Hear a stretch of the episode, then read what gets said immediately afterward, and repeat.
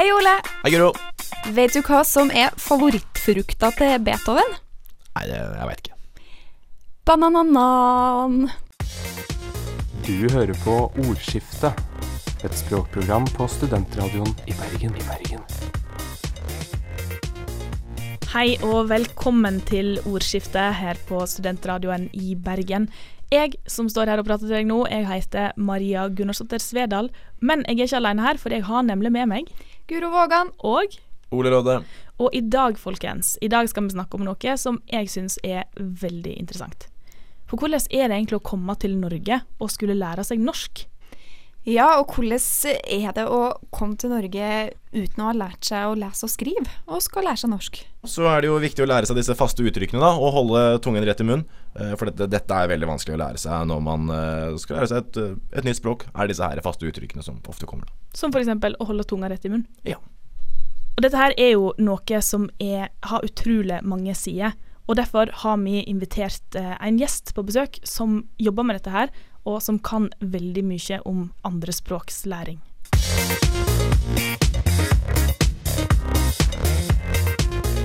Da er vi tilbake her i ordskiftet, og nå har vi fått besøk i studio. Vi har nemlig med oss eh, førsteamanuensis i norsk som andrespråk, Ann Kristin Helland Gujord. Velkommen. Takk for det. Eh, Du har da skikkelig peiling på dette her som vi skal prate om i dag. Ja, det håper jeg jeg har. Ja. Eh, kan du fortelle litt eh, kort om eh, hvordan du har jobba med dette her? Jo, altså jeg er da forsker på andrespråkstilegnelse. Eh, og da da eh, Da forsker jeg på hvordan unge, barn og voksne lærer seg et eh, nytt språk. Altså det som jeg kaller andrespråk. Og kanskje jeg skal si litt om hva andrespråk er. Ja, for, Ja. ja. Hva er forskjellen på andrespråk og fremmedspråk, f.eks.? Ja, men kan, kanskje vi kan begynne enda mer basic. Mm. Fordi at andrespråk det står jo litt sånn i kontrast til førstespråk. Det som vi gjerne kaller morsmålet. sant? Altså Førstespråket er det vi lærer Altså Med en gang vi kommer ut, så møter vi jo et språk. Det er liksom det som ofte refereres som morsmålet. Eh, så andrespråk det er alle andre språk vi lærer etter førstespråket.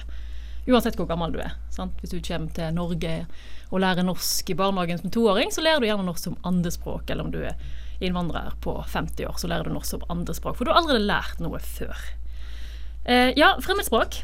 Eh, det er jo òg egentlig et andrespråk. Sant? For vi har jo lært eh, Jeg lærte tysk eh, som fremmedspråk, og det var jo det var jo et andrespråk for meg. Men vi snakker gjerne om fremmedspråk som noe litt annet, for det er en litt annen situasjon å møte opp eh, en time eller to timer i uka og lære tysk hos en lærer, og så går du ut og så møter du de norske vennene dine. Mm. Så det er en helt annen kontekst enn andre språk, der du må liksom klare deg i- et samfunn med et nytt språk. Men hva med f.eks. engelsk? For der er du på en måte Ja. Du er jo utsatt for engelsk, samtidig som du Du er ikke like utsatt for engelsk som du ville vært hvis du flytta til et Det sant. land. Det er sant. Og vi, vi sier jo at vi lærer engelsk som fremmedspråk her i Norge. sant? Fordi at vi er, men Mange føler jo nesten at de er tospråklige i Norge, for de kan så godt engelsk. Eh, men likevel er det som et fremmedspråk, for vi har lært det mye seinere i livet. Eh, så engelsk er Ja, det er riktig at det er en sånn særstilling, for det er så mange som kan det. Og veldig ofte så er det sånn at eh, folk som kommer til Norge, de har allerede lært engelsk som andrespråk. Så kanskje når de lærer norsk, så lærer de egentlig et tredje språk. Eller fjerde språk.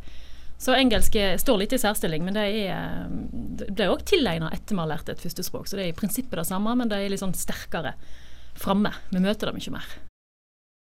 Men når man lærer norsk da som andrespråk, har det noe å si hvilket språk man har som morsmål? Ja, det har faktisk ganske masse å si. Eh, fordi vi lærer jo språk eh, Altså vi er jo liksom satt sammen på en måte som gjør at vi bare vi klarer å lære språk. Vi klarer å lære masse språk, vi klarer å lære nye språk, selv om de nye språkene som regel tar mye lengre tid å, å, å, å lære. Eh, og i tillegg, som jeg på en måte generelt er laga sånn at vi liksom klarer å trekke ut noen sånn mønster fra alt språket vi møter, og liksom ta opp i oss noen regler, så jeg har òg tidligere erfaring med språk masse å si. Så det er sånn at hvis du f.eks. har nederlandsk eller tysk som førstespråk, eh, så har du en mye kortere vei å gå når du lærer deg norsk, enn hvis du har somali, arabisk, thai. Og det handler jo om at eh, språkene er så typologisk sett ulike. At du liksom allerede har en del felles ord eller felles strukturer. Så da har en god del å si, faktisk. Mm. Så hvis du eh, har et av disse her vanskelige, eller de språkene som er langt fra norsk, da, Ja. hvis du da kan engelsk, så vil Ja. det være en kjempefordel? Ja, det vil, det vil som regel være en stor fordel.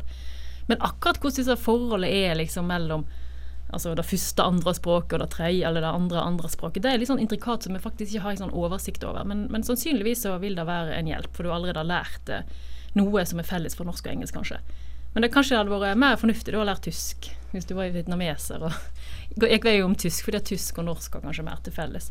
Engelsk og norsk har jo en del som ikke er til felles i hele tatt. Så det er vanskelig å gi et sånn helt klart fasitsvar på det, da? Ja, men vi kan på en måte si at eh, eh, jo, det er sikkert lurt å, å lære eh, Altså engelsk vil sannsynligvis hjelpe.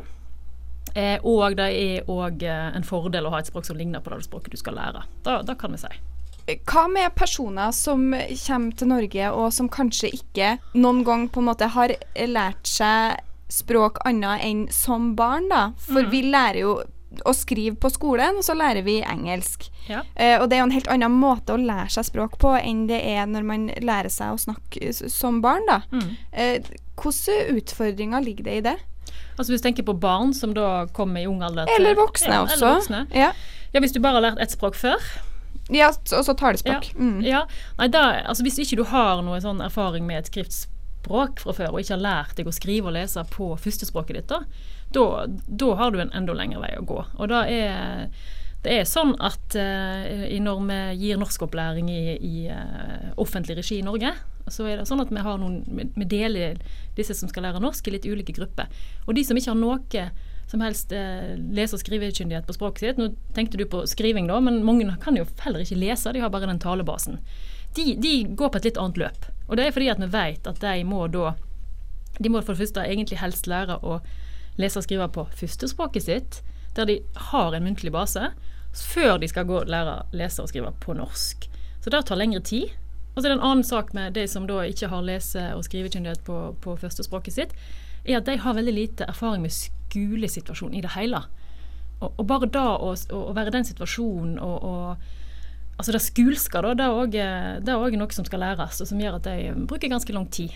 Så de, de har en stor utfordring. Det høres eh, veldig, veldig utfordrende ut, ja. Eh, men sånn, for de som eh, kanskje er kommet litt eh, lenger når det kommer til at ja, ok, du kan skrive på ditt eget språk, du Mm. kan lese, Mhm. hva er det i norsk som er vanskeligst å lære seg? Ja. Eh, nå er det jo sånn at det er alltid noe i eh, alle språk som er vanskelig å lære seg, og så er det noe som er ekstra vanskelig i noen språk, sånn som òg i norsk. Eh, og da eh, er det gjerne sånn at det som er litt sånn sjeldent i verden i språk, det er vanskelig å lære seg i et nytt språk. Så norske vokaler er ganske vanskelig, for vi har jo veldig mange vokaler, faktisk. Eh, I tillegg så har vi ganske mange eh, sjeldne vokaler. Og hvis en liksom lager en liste over norske vokaler, så, så, så kan vi liste opp ni stykker. Men så er det sånn at vi må liksom doble det opp til 18, fordi at vokalene våre i norsk finnes i en sånn kort og en lang eh, utgave. sant? Altså hvis vi har sånne ja, sånne ord som eh, Altså det er forskjell på eh, bakken og baken. Altså det er jo to helt forskjellige ord. Så det vi egentlig kjenner ja. til som dobbeltkonsonant, Ja. er egentlig kort og lang vokal. Det er jo akkurat det. Eh, og det er noe som ikke finnes i mange språk. Så da, da kan vi si at da har vi liksom dobbelt sett med vokaler eh, som vi skal lære, fordi at de skiller mellom ord. Sånn hat og hatt. Altså det er mange sånne eh, ord som, som bare er skilte fordi at vokalen er kort eller lang. Så det er, det er vanskelig. Så har vi også disse litt sånn eh, uvanlige vokalene. Vi har sånn y og u. Altså å skille mellom eh, de er veldig vanskelig, altså, og det er helt vesentlig. sant? Altså Vi vil heller ha hodelys og ikke hodelus, men altså sånne ting er veldig vanskelig å fange opp og høre. Så hvis du ikke har, kjenner til den eh, y-lyden, så vil du kanskje ikke høre forskjell på hodelys og hodelus engang, og du vil ikke fange det opp. Og da sier det seg sjøl at hvis ikke du kan høre det helt, og fange det opp i input, så har du en ganske lang vei å gå for å klare å produsere det på norsk. Så det er, det er lydene. Noen eksempel. Er det òg noen konsonanter som kan være vanskelige? Ja, noen konsonanter kan være vanskelige, men, men kanskje det som er spesielt med konsonanter i norsk og mange andre nye språk en lærer, er jo eh, hvor, eh, hvor mange en kan sette ved siden av hverandre. Vi kan jo sette en fire-fem stykker ved siden av hverandre og lage ganske kompliserte konsonantsamband, som vi kaller det. sant? Mens eh, i enkelte språk, eh, f.eks. vietnamesisk, så kan du ikke ha mer enn én konsonant før du må ha en vokal igjen. Så hvis du skal gå for da og plutselig uttale sånne ting som sprelskt, som er et sånt typisk eksempel, så er det ganske vanskelig. Så det er én sak. Eh, og så er det òg i språket at det er ganske strenge regler for hvor du kan putte disse konsonantene. Så selv om du har et sånn komplisert eh, språk som eh, polsk, det klarer ikke jeg å uttale.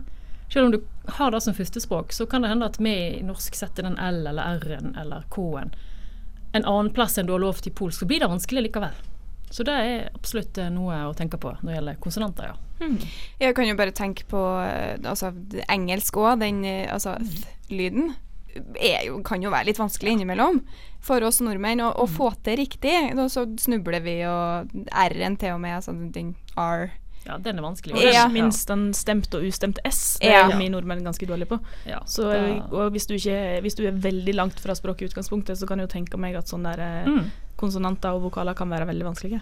Ja, og her, men her er spiller hvilke førstespråk du har en veldig stor rolle, da. Ja. Altså, her eh, er det stor hjelp å ha et eh, språk som ligner litt. Og her hjelper det òg å begynne tidlig å lære et andre språk. Så vi vet at unger som begynner ganske tidlig å lære norsk som andrespråk, de, de plukker opp uttalen mye bedre på sikt enn voksne gjør. Men sånn f.eks. med disse her eh, konsonantsambandene, hvis det er mange konsonanter og en får ikke til å uttale dem, Mm. eh, så jeg lest at eh, en kan putte inn ekstravokaler eller bare ta vekk konsonanter. Ja, det er mange som gjør det iallfall. Men det blir jo ikke helt likt. Altså det blir, det blir et, liksom et avvik som vi kanskje legger merke til, men det er en sånn type strategi, ja. At en putter inn noen sånne ekstra Altså jeg husker når jeg hadde undervisning, så var det noe som ofte hadde de kunne i engelsk, så sa de sånne ting som ja, jeg kan òg engelesk, eller noe sånt. Altså de putter inn noen sånne ekstra i-er. Og det er en helt eh, vanlig strategi. Så, men det er én ting som en ofte kanskje ikke er så opptatt av når en underviser, det er jo dette med intonasjon og, og setningsmelodi. Det er faktisk òg Det er den forskning som viser at da reagerer vi minst like mye på som enkeltlyder, om det blir feil. Og, det er òg veldig vanskelig å lære seg. Men kan det være litt sånn at er, er det noen ting som på en måte er viktigere å få på plass da, for å bli forstått enn andre? Det er litt vanskelig å si. Hvis du tenker på uttale, så tror jeg at uh, kanskje en skulle prioritert enda høyere akkurat dette her med intonasjonstrekk. da, Altså setningsmelodi og hvor du legger trykk. For det er noe som, som er vanskelig å undervise i, og som en kanskje ikke alltid har gjort, men som gjør at, at det høres kanskje mer måls, altså norsk ut, hvis en får det på plass. Ja, for intonasjonen er tonegangen i setningen. mm, mm. Ikke bare i ordene, men i hele Ja. setningen. Sånn Ja. som at du går opp på enden av spørsmålet Ja. og sånne ting. Ja. Mm. Og så Hvis dere tenker f.eks. på noen som har fått mye pes eh, for andrespråket sitt, Torbjørn Jagland. Altså Han er jo knallgod i engelsk. Avansert andrespråksbruker. Engelsk er for han et andrespråk. Men han har jo ofte blitt litt sånn erta, sant? Og det er jo fordi at han bryter veldig med engelske uttale, bl.a. intonasjon. Men han er veldig avansert, eh, veldig flink. Får litt, kanskje litt ufortjent pes, men det er jo da pga. lyder og intonasjon. Og så tenker jeg jo òg at eh, i Norge så har vi jo veldig mange ulike dialekter. Ja. Og ulike dialekter vil òg mm. kanskje ha ulik intonasjon. Absolutt. Eh, Det vil jo gjøre det enda vanskeligere. Ja, og det er kjempevanskelig. Og da snakker vi jo i alle fall om noe som er spesielt for norsk, å lære norsk som andrespråk. Og det er jo ikke så uvanlig eh, å ha dialekter. Altså, det er ikke det som gjør oss uvanlige i Norge, men det er jo at vi bruker de så masse, og i alle situasjoner. Så du, du kan ikke unngå, når du trør ut av klasserommet, å møte et helt annet språk enn det du trodde du hadde fått undervisning i. Og det er noe som kanskje har vært inntil relativt nylig litt underkommunisert i vårt fag. At eh, kanskje må vi eksponere de mer for dialekter, og kanskje ikke alle skal snakke slik som en østlending i undervisningen. Altså det er noe som er vanskelig. Og så i tillegg så er vi jo sånn i Norge at det er jo en, en dyd å holde på dialekter. Så vi er vel kanskje ikke så flinke til å tilpasse oss når vi møter folk som ikke har norsk som førstespråk. Men hvis vi går tilbake til disse tingene som var vanskelig, har vi noe i grammatikken vår som er spesielt komplisert? Ja, eh, det har vi jo. Eh, for eksempel så er vi i norsk veldig glad i å bøye substantivene våre på mange måter. Blant annet har vi eh, dette med grammatisk kjønn, som vi kaller. Genus, som ikke egentlig har noe som helst med biologisk kjønn å gjøre. Eh, altså Alle substantivene har et eller annet kjønn, enten ho-kjønn, intetkjønn eller han-kjønn. men det er jo vanskelig å forklare til noen og forstå sjøl hvorfor det heter ei bok, men ett hefte. Eller ett bord og én stol. Og da, da en, Det er ugjennomsiktlig, og det er vanskelig å gi noen klare regler. Så det er noe som er vanskelig å bøye substantiv rett i norsk. Så da, da snakker vi om bøying. Så er det den her, det der med å plassere ordene rett. Det er òg vanskelig. I Og rett rekkefølge? ja, rett rekkefølge. Det som jeg ofte kaller leddstilling eller syntaks. Sant? Og det, det som er typisk veldig vanskelig, og som kanskje noen aldri lærer, det er jo eh, disse små ordene som eh, ikke. Det er veldig vanskelig. Fordi at i norsk så vil vi av og til ha det bak verbet, og noen ganger skal vi plutselig ha det foran, og det er veldig vanskelig å forklare noen hvorfor vi kan Hvorfor det er helt greit å si f.eks.: Barna liker eh, ikke fisk. Eh, det er helt fint. Da skal vi ha ikke bak verbet liker. Mens hvis setningen er noe sånn som eh, Dersom barna liker ikke fisk, det er ikke greit. Altså hvis dersom barna ikke liker fisk, kan de få kylling. Da må vi plutselig begynne å, å, å stokke om og sette ikke foran. Det er veldig vanskelig å forklare, og det er vanskelig å fange opp. Tenker Det må jo være spesielt utfordrende å forklare til noen som ikke har innsikt i skriftspråk og leddstilling i det hele tatt fra før. Nå har jo både jeg og Guro Ja. litt, eh, litt kompetanse på språk, i hvert fall, og jeg syns at det der er komplisert å forstå. Har du ikke svaret, da? Eh, ja, det er fordi det er en leddsetning. Ja, sant. Ja. Eh, men jeg har blitt eh, stilt eh, et lignende spørsmål eh, før jeg begynte å studere språk, og jeg hadde ikke peiling. Nei, Nei. men det er jo akkurat det. For vi har jo bare vokst opp i samfunnet vårt, og vi kjenner i magen vår at det ikke må stå eh, på den plassen det må stå akkurat der og da. Eh, og det er veldig mange syns det er vanskelig å forklare. Og det er en del ting som er vanskelig å forklare òg, som eh, masse sånne nyanser, og hvordan vi bruker preposisjoner er kjempevanskelig.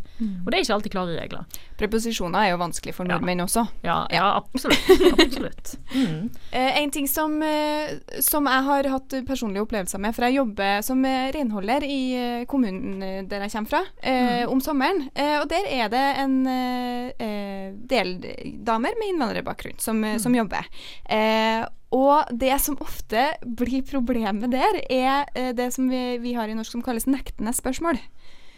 Eh, fordi at eh, eh, vi kan stille spørsmål som eh, Har du ikke vaska der enda? Mhm. Eh, og da er det litt vanskelig, for da svarer de gjerne ja. Mm. Og så blir det litt vanskelig for oss nordmenn også å tolke tilbake. Mener du eh, ja Altså ja som i nei, jeg har ikke vaska der? Eller ja som i ja, jeg har vaska der? For en nordmenn ville jo svart jo på det spørsmålet.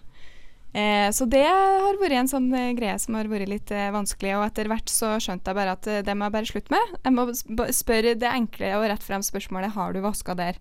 Ja, Ja. veldig lurt. Nei, men det, og det kan jo handle om eh, at språket er litt forskjellig på dette punktet. Ja, Altså, eh, jeg har lest det at verken arabisk eller thai Nei. har denne greia med nektende spørsmål, Mm. som jo da blir litt forvirrende når man da kommer. Absolutt. Mm. absolutt. Men da gjør jo du det eneste riktige, da, og tilpasser det litt. Ja, Ja, må jo det. Ja. Da vil vi bare si tusen, tusen takk for at du ville komme her i eh, studio, Ann-Kristin. Takk for det. Takk for at jeg fikk komme. Velkommen tilbake ved en senere anledning. Takk, takk.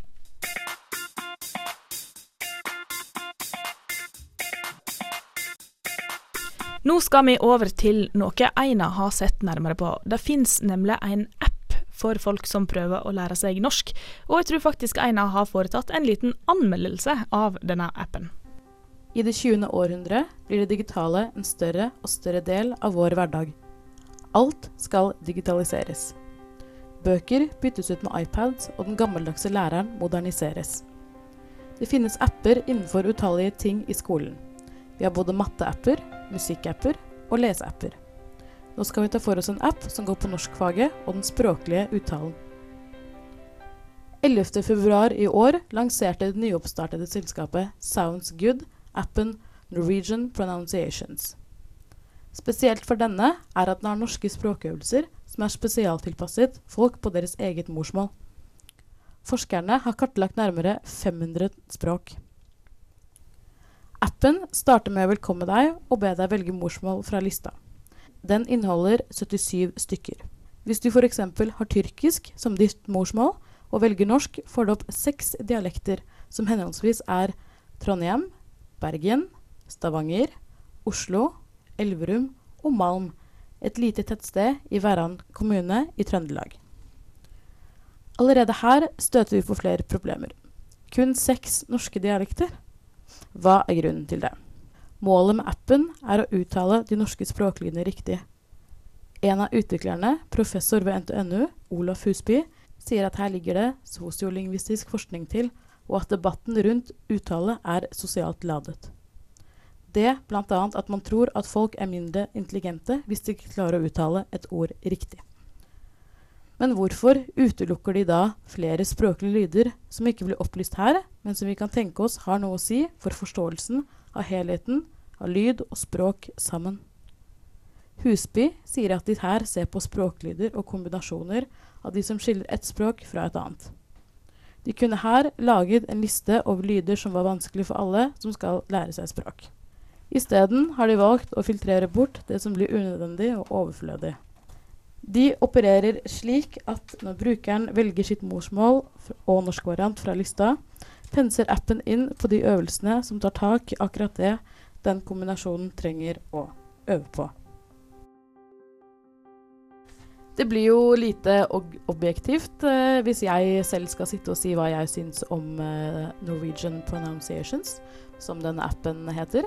Så da har jeg fått med meg eh, BI-student Regine Dalen Birkeland. Velkommen. Yes, thank you, thank you.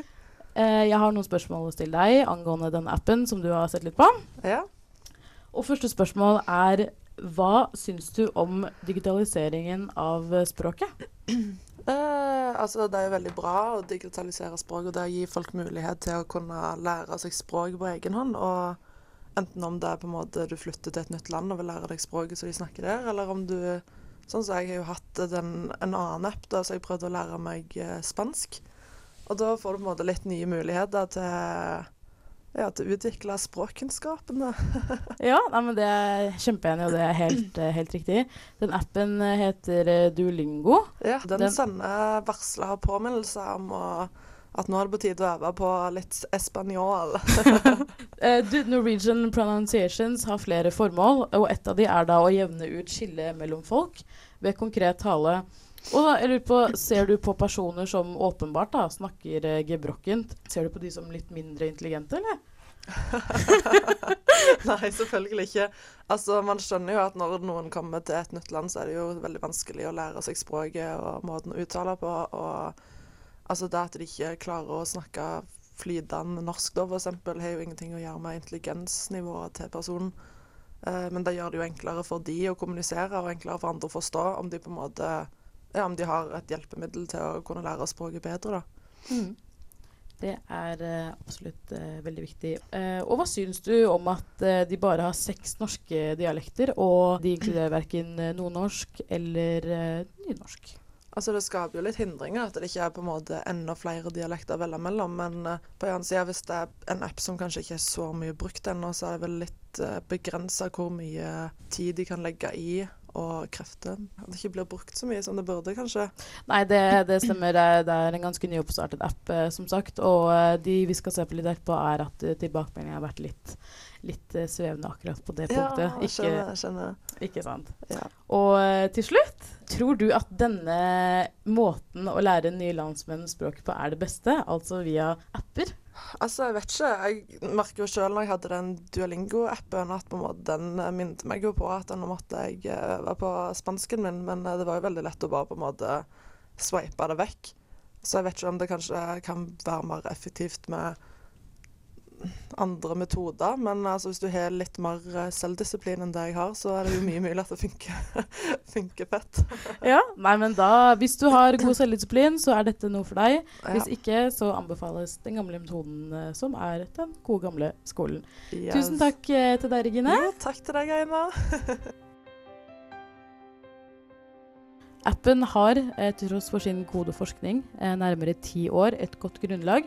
Men den er lite brukertestet og kan derfor virke lite intuitiv og en del begrensende. Den har altså en liten vei å gå før den når opp til eh, bl.a. eh, Duolingo som eh, språkapp. Konseptet og tanken bak er like bra og viktig, men når vi skal lære det norske språket, enten det er uttale eller setningsanalyse, kan vi ikke begrense oss. Det norske språket har her blitt redusert til seks dialekter.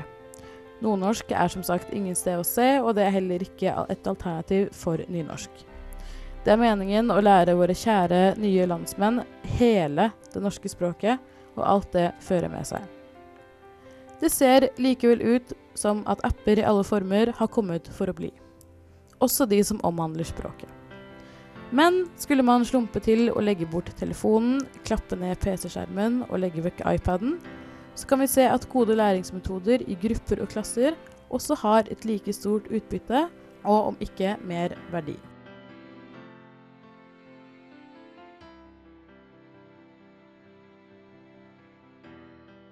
Noe annet som kan være veldig vanskelig å lære seg når en skal lære et nytt språk, er jo typisk faste ord og uttrykk. Og Ole, dette her har du sett litt nærmere på, for vi bruker ganske mange sånne her i norsk. Ja, vi bruker veldig mye av det, egentlig. Og, og vi bruker det på daglig basis. Og så er det jo sånn at eh, når man skal lære seg et nytt språk, så er det selvfølgelig sånn ordforråd og ordstilling og grammatiske eh, Altså ob ob obskure grammatiske regler, og alle unntakene i disse grammatiske reglene er jo utrolig komplisert. Eh, men det faktisk folk finner nesten enda vanskeligere, er dette her med faste uttrykk, da. Eller idiomer, da, som det kalles på, på fagspråket. Um, og det, det, det, som er litt vanskelig, er jo det at veldig ofte så er jo disse her um, Disse faste uttrykkene er jo ord man ikke bruker lenger. Altså det er gamle foreldrede ord, og så bruker man Men faste uttrykket har jo overlevd enda. Så den eneste måten å lære det på, er jo på en måte hvis du forstår settingen det blir brukt i, da. Så det er på en måte sånn vi kan Vi forstår ikke lenger det gamle ordet i seg sjøl, men i uttrykket så vet vi hva det betyr. Ja, veldig ofte så er det sånn. Og da kan du tenke deg at det er enda vanskeligere for en utlending da som kommer til Norge og prøver å lære seg norsk. Og så skal han liksom du, Han kan jo gjette, da, og så kan det hende han får det riktig, men veldig ofte så er det nok vanskeligere. Jeg, jeg tror veldig ofte det er vanskeligere å si det Altså bruke det faste uttrykket enn å forstå det. For nå så kan du bare forstå det ut fra settingen. At ok, her betyr det noe, noe, noe rundt der, da. Men hvis han skulle hvis han brukt det i sin eget ordforråd, så tror jeg han hadde slitt litt mer, da. Har du et eksempel på et sånt uh, uttrykk, med, der vi har ord som vi ikke bruker lenger, men vi forstår uttrykket? Ja, med, altså, med brask og bram. Jeg, jeg, vet ikke helt hvor mye det brukes lenger, men, uh, men, det er jo rett og slett at du på en måte Du sparker opp døra. Det er iallfall sånn jeg ser for meg det. Du liksom sparker opp døra, og så er du litt sånn høy på deg selv. Uh, og dette kalles da på en måte sånne ugjennomsiktige faste uttrykk. Ja, jeg aner ikke hva det betyr. Jeg aner verken hva brask eller bram betyr, men jeg vet hva uttrykket betyr. Ja. Uh, og det er ofte det som er liksom typisk da, for ugjennomsiktige um, Ugjennomsiktige faste uttrykk. Uh, at man på en måte Det er ikke gitt da hva det betyr. Man kan nesten ikke gjette seg til det heller. Man må bare på en måte bare vite hvordan det blir brukt. Og det som er, er at en måte når vi, når vi lager setninger, så bruker jo vi på en måte mange sånne ord. Altså vi deler, deler opp ordene, og så setter vi dem sammen. Da, litt som legoklosser, egentlig. Uh, og så på en måte lager vi en setning, da. Men i faste uttrykk så må disse legoklossene være på samme sted hele tiden. Og det kan være litt problematisert, til og med for eh, holdt jeg på å si, nordmenn som har snakket norsk hele livet sitt. Så hvis vi har en vanlig setning, så har du masse små legoklosser som du bygger til én figur. Ja. Men hvis du har et fast uttrykk, så er det en stor del av figuren som er ferdigbygd, som du ja. må ha, få plass til. Ja. ja. Og det er jo selvfølgelig mye som kan gå feil her. Eh, veldig ofte så er det jo kjent å på en måte blande litt. Da. At man blander litt legoklosser. Altså man blander disse, blander disse, og da kan man få mye morsomt, da. Uh, så det er vel Paradise Hotel er vel en uh, kilde til mye godt uh, av, av, av, blanding. Men jeg tror man, hvis man hører etter, så tror jeg det er veldig mye blant, altså blant folk sådan. Ja, eh, jeg har eh, noen folk jeg kjenner som eh, bl.a. sier å eh, slå på spanderbuksa. Ja. Og så slår man jo enten på stortromma eller tar på seg spanderbuksa. Eh, og så har vi et uttrykk som, eh, som er litt sånn tuller med, da. At man står der med skjegget fullt av postkasser. For det er jo egentlig at man har Skjegget i. Skjegget i postkassa. Ja. Nå glemte jeg et øyeblikk ja. hva det egentlig var. Men det, er jo, det som er problematisk her, da, er jo at OK, jeg kommer til Norge, kan ikke norsk, og så i tillegg til at disse uttrykkene er vanskelige å forstå i seg sjøl, så driver folk og kødder med dem mm. og putter dem sammen på nye måter. Ja. Det er jo det kommer til å bli Ja, jeg, jeg skjønner ikke hvordan en skal klare det, da. Nei, og det er jo Altså, det er vel noen sånne ord og uttrykk i engelsk også. Uh, jeg jeg, en måte ikke hørt det så veldig ofte, men, men, men, jeg ser for meg at jeg sikkert gjør noe feil. Eh, jeg vet at jeg har gjort et uh, par feil. Uh, blant annet så trodde jeg at det het 'two peas in a pot'. Som på en måte er logisk, fordi du koker erter, sant. Så da har man følt at 'two peas in a pot' er jo liksom Da er det to stykker som er veldig like. og det tenkte jeg var logisk, men det er jo da 'two peas in a pod'. Og en pod var jo et ord som jeg ikke hadde hørt før, som da er på en måte det erteren ligger i, sånn som sukkererter, sant. Eh, så det ja. Da, da, har du funnet ut at her har jeg eh, gjort feil? Her har jeg rett og slett bomma. Hmm. Så det er veldig mange som man må på en måte Man må nesten vite liksom hva det kommer fra, da for å på en måte forstå det. Altså, sånn som sånn, sånn, sånn, så, ditt eksempel. Du må nesten vite hva hva pod egentlig er, da, ellers så gir det jo ingen mening. Nei, Jeg visste ikke hva pod betydde før du sa det nå. Nei, sant. Eh, og det gjør vi jo ofte i norsk òg, på en måte tar eh, og tolker ordet da, og bruker det på den måten som virker logisk, i stedet for eh, sånn som det faktisk var tenkt, sånn som bjørnetjeneste f.eks., som veldig mange på en måte omtaler som en stor tjeneste og noe bra man gjør, da. Men en bjørnetjeneste er jo opprinnelig eh, altså en tjeneste som man gjør som på en måte slår tilbake på deg sjøl, eller Ja. på, på den du gjør en tjeneste for, da. Ja, for det kommer vel fra, fra eventyret. Ja. Men det er jo noe av det som skjer der, da, er at du ser for deg bjørn. Du ser for deg en bjørn, Mm. et stort dyr, og en tjeneste. OK, da, da får du en stor tjeneste. Mm. Og det er noe med at vi tenker til en viss grad i bildet, stemmer ikke det? Jo, altså veldig ofte da så er det man på en måte man har Når man sier et ord, og så har man på en måte det ordet i, i hjernebanken et eller annet sted. Da. Man kan liksom se det for seg litt.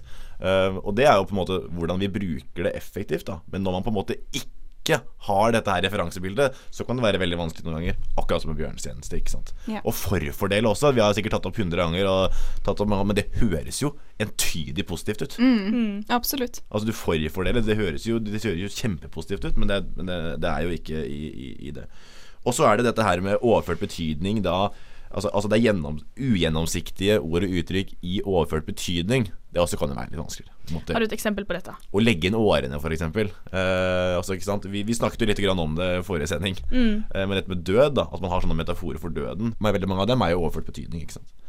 Eh, som man på en måte ikke helt, helt forstår. da Eh, Ja, vi, sånn tråkke i salaten, gå på veggen. Det er jo ja. sjukt mange sånne der du etter hvert sikkert kan skjønne sammenhengen, men hvis noen bare sier det helt isolert, så vil det være sånn Oi, han gikk på, en, på et salatblad, liksom. Eller ja, hvorfor sto bollen med salat på gulvet? Ja, og, det, og ikke bare i, metaforer i faste ord og uttrykk heller, men du kan se for deg hvis du er helt Altså helt i startfasen av å lære deg et språk, da, så har, bruker vi utrolig mye metaforer i, i språket generelt òg. Som, som bare det å sånn Går det bra, eller hvordan går det? Altså, det er jo ingenting som går. Nei. Så hvis du vet hva ordet 'gå' betyr, så gir jo det det uttrykket veldig lite mening, da. Det er helt sant. Spesielt hvis du kommer fra en helt annen språkfamilie i tillegg. Mm. Så kan det være utrolig vanskelig. For jeg, jeg, jeg tror man har kjent seg igjen i noen av ordene hvis man på en måte er litt i samme, samme, uh, samme språkfamilie. Spesielt hvis man har en litt annen kultur. da Uh, Og det samme er Jeg fant et ord her altså, som jeg bare Jeg hadde ikke forstått hadde jeg kommet fra utlandet. holdt jeg på å si Være tørr bak ørene.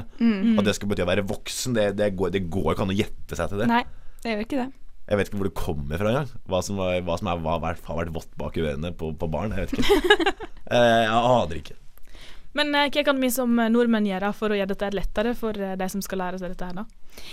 tenker Jeg altså det å være litt uh, Hvis du snakker med noen som ikke har norsk som sitt mors morsmål, så går det jo kanskje an å være litt obs på det. At uh, det, vi bruker mye metaforer, og vi bruker mye faste uttrykk. Og prøv å kanskje ikke bruke det så mye, og hvis man bruker det, så eh, vær litt mer forståelsesfull hvis det ikke blir forstått, da. Ja, jeg ser for meg at man, man må nesten bruke det, eller for at det, det blir jo brukt i språket, så man må på en måte lære seg i hvilken settinger det blir brukt. Men jeg tror kanskje det viktigste er å ikke kødde med det for mye. For da tror jeg du kan sette folk eh, ganske ut, da. Uh, så Nei, det er vel bare noe man må lære seg, da. Jeg vet ikke helt. Men så, altså, sånn, man har jo sikkert det engelske òg, og jeg har klart meg helt fint uten. Ja, altså, jeg. har jo lært meg en del faste uttrykk i Ja. engelsk, og jeg vet jo hva de betyr, så det går jo an. Men uh, det, det var jo noen som lo av meg når jeg sa 'two peas in a pot', og så fikk jeg jo da forklart eh, hva det egentlig var. Og det er viktig. Ja. Så tenker jeg For eventuelle andre språksinnlærere som hører på dette her, så er vår anbefaling ikke se på Paradise Hotel. Men altså, jeg klarer jo å skrive så folk forstår. Skrive leis, skrive leis, skrive leis, skriveleis, skriveleis. Men det finnes jo en beryktet bande der ute som alltid er på vakt 24-7. Språkpolitiet, vær så god. Hva kan jeg hjelpe deg med? Ingen sending uten at vi er innom eh, nynorskdebatten, eller eh, hva? Nei, så klart ikke. Og innenfor andre språk så er det jo selvsagt relevant å snakke om forholdet mellom bokmål og nynorsk i norsk. Ja, vi eh, hørte jo nettopp eh, Aina som uh, snakka om eh, den eh, nye språklæringsappen, eh, der hun påpekte at det ikke var noe eh, At man ikke kunne velge da eh, nynorsk som, eh, som språk i den appen. Det første læreverket på nynorsk for voksne minoritetsspråklige kom i 2003. Det er ganske seint. Veldig seint. Ja. Eh, og likevel så er det fire år etter svært få kommuner og utdanningsinstitusjoner, eh, også i de nynorske kjerneområdene, som bruker nynorsk i andrespråksopplæringa. Og det er jo eh, absolutt en problemstilling da, hvis en tenker seg at OK, jeg er andrespråksinnlærer, jeg bor i en nynorsk kommune, jeg får all opplæringen min på bokmål, men ungene mine de får alle beskjeder fra skolen på nynorsk. Og da får du brev og meldinger på nynorsk som, som du da må forstå. Og hvis du ikke er veldig stødig i bokmål engang, og så skal du forstå dette andre språket, så kan det jo bli veldig vanskelig. Ja, altså Vi har jo snakka om det før, at uh, nordmenn burde jo på en måte forstå begge målformene uavhengig av opplæring eller ikke. Eh, men som en person som ikke liksom har norsk som morsmål, så blir jo det mye vanskeligere. Og hvis det viser seg at nordmenn sliter såpass mye med det som vi sikkert gjør, så vil det jo være ja, veldig veldig vanskelig. Hva tenker du, Ole? Skal vi ha andrespråksopplæring på nynorsk? Nei, jeg, jeg syns ikke det. Eh, det det, det syns jeg ikke har noe Jeg, jeg, syns, de fortjener det fritaket. Altså Hvis folk med nordmenn med dysleksi får fritak for nynorsk, eller får sidemål, unnskyld, eh, så burde de også få det, tenker jeg da. Men tenker du at eh, hvis det kommer en person som flytter til Sogndal, Mm. og har da opplæringen sin på bokmål, ser du at det er problematisk? Problematisk vil det være uansett. Altså Det at man har to målformer i dette landet, er jo irriterende uansett hvordan man ser på det. Altså om, om, om, Ja, men vi, Det er jo en irriterende greie at vi har to målformer, men sånn er det. Og så, og sånn må man rette seg inn. Men det, det meste av holdt jeg på å si, av, av riksmediene, om du kan si det sånn, foregår jo på bokmål. Ikke sant? Så det er jo lokalsamfunnet, da, holdt jeg på å si, som du sier, eh, som eventuelt bruker det. Altså sikkert lokalavisen rundt om i Sogn og Fjordane bruker jo naturligvis nynorsk. Lokalavisene, skolene, kommunene, Mm. til og med ganske mange av butikkene bruker det. Ja, det er jo ganske mye informasjon som er nødvendig her. Som man da kanskje går eh, glipp av, eller har vanskelig for å ta til seg, da. Hvis man ikke har fått opplæring i nynorsk. Men så er det òg en utfordring at eh, mange eh, innvandrere tenderer til å flytte til det sentrale Østland. Mm. Og da er det jo, kan det jo være dumt hvis du har lært nynorsk og ikke bokmål. Ja, ikke, ikke bare det sentrale Østland, men altså, altså de store byene, da. Altså, de, de, de kommer jo hvor, og der er og veldig ofte at det er Bokman som er den regjerende At som er regjerende målformen, da. Eh, så ja, det er helt klart et, eh, helt klart et eh, problem, og spesielt, spesielt dette her med utflytningen. Det er det som er et veldig stort problem. At det Spesielt da i Nord-Norge. Det er jo sånn ingen De klarer ikke å holde på innvandrerne sine. De, de, de forsvinner jo med en gang. Og hvem er det som kan klandre dem, egentlig? Ja, det er jo et problem på, på flere Ja. punkt enn en språket. Eh, men nå er det jo språket vi skal holde oss, eh, holde oss til her. Og det, det er jo definitivt en utfordring, men samtidig så kan jeg heller ikke se for meg at vi skal begynne å lære dem begge målformene. fordi det vil jo være utrolig komplisert, i hvert fall hvis man tenker på også voksne som kommer til Norge og skal lære seg eh, norsk som andrespråk i voksen alder. Det er jo en utfordring i seg sjøl. Å lære språk når man er voksen er vanskelig. Det, er jo, det blir jo litt sånn at eh, nynorsk i seg sjøl er ikke vanskeligere å lære enn bokmål. Eh, hvis du har et nøytralt utgangspunkt. Absolutt ikke. Nei. Men eh, det vil kanskje være sånn at det er mer nyttig å, lære, å kunne bokmål i sånn som Norge ser ut i dag. Samtidig så kan jo ikke jeg, som den nynorskelskeren jeg er, si dette her med hånda på hjertet. Jeg tenker at det er Du kommer ikke til å få en ideell situasjon her, fordi at du vil uansett ikke komme til et punkt der, eh, der du tvinger Altså hvis du tvinger alle til å lære begge, det blir feil. Får du folk til å bare lære det ene, og så flytter de til en annen kant av landet, så er det feil og så videre og så videre. Det, måte, det finnes ikke noen fasit her, da, føler jeg. Jeg tror vi bare må belyse denne situasjonen, at dette her er en litt sånn eh, En problemstilling som er verdt å tenke over.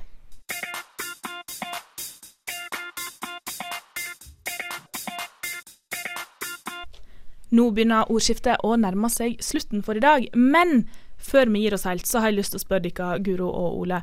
Hvis de skulle flytte til et utland, et utland faktisk, et annet land, og lært dere da et andre språk, hvor ville de ha flytta? Ole, du først. Ja, jeg ville flyttet til Italia, eh, og italiensk, da. Jeg syns de romansespråkene er eh, utrolig fine, og jeg syns det fineste av dem er eh, ita italiensk. Du da, Guro? Ja, det her blir jo veldig kjedelig, for det er jo ditto, faktisk. og akkurat samme begrunnelse. Italiensk. Jeg har faktisk bodd tre måneder i Italia. Ja. Uten å kunne en døyt italiensk før jeg reiste dit. Så det har jo akkurat den opplevelsen som de drømmer om. Ikke at jeg akkurat ble flytende i italiensk av å være der, men det er jo et vakkert språk. Mm. Eh, hadde dere ikke hatt spansk?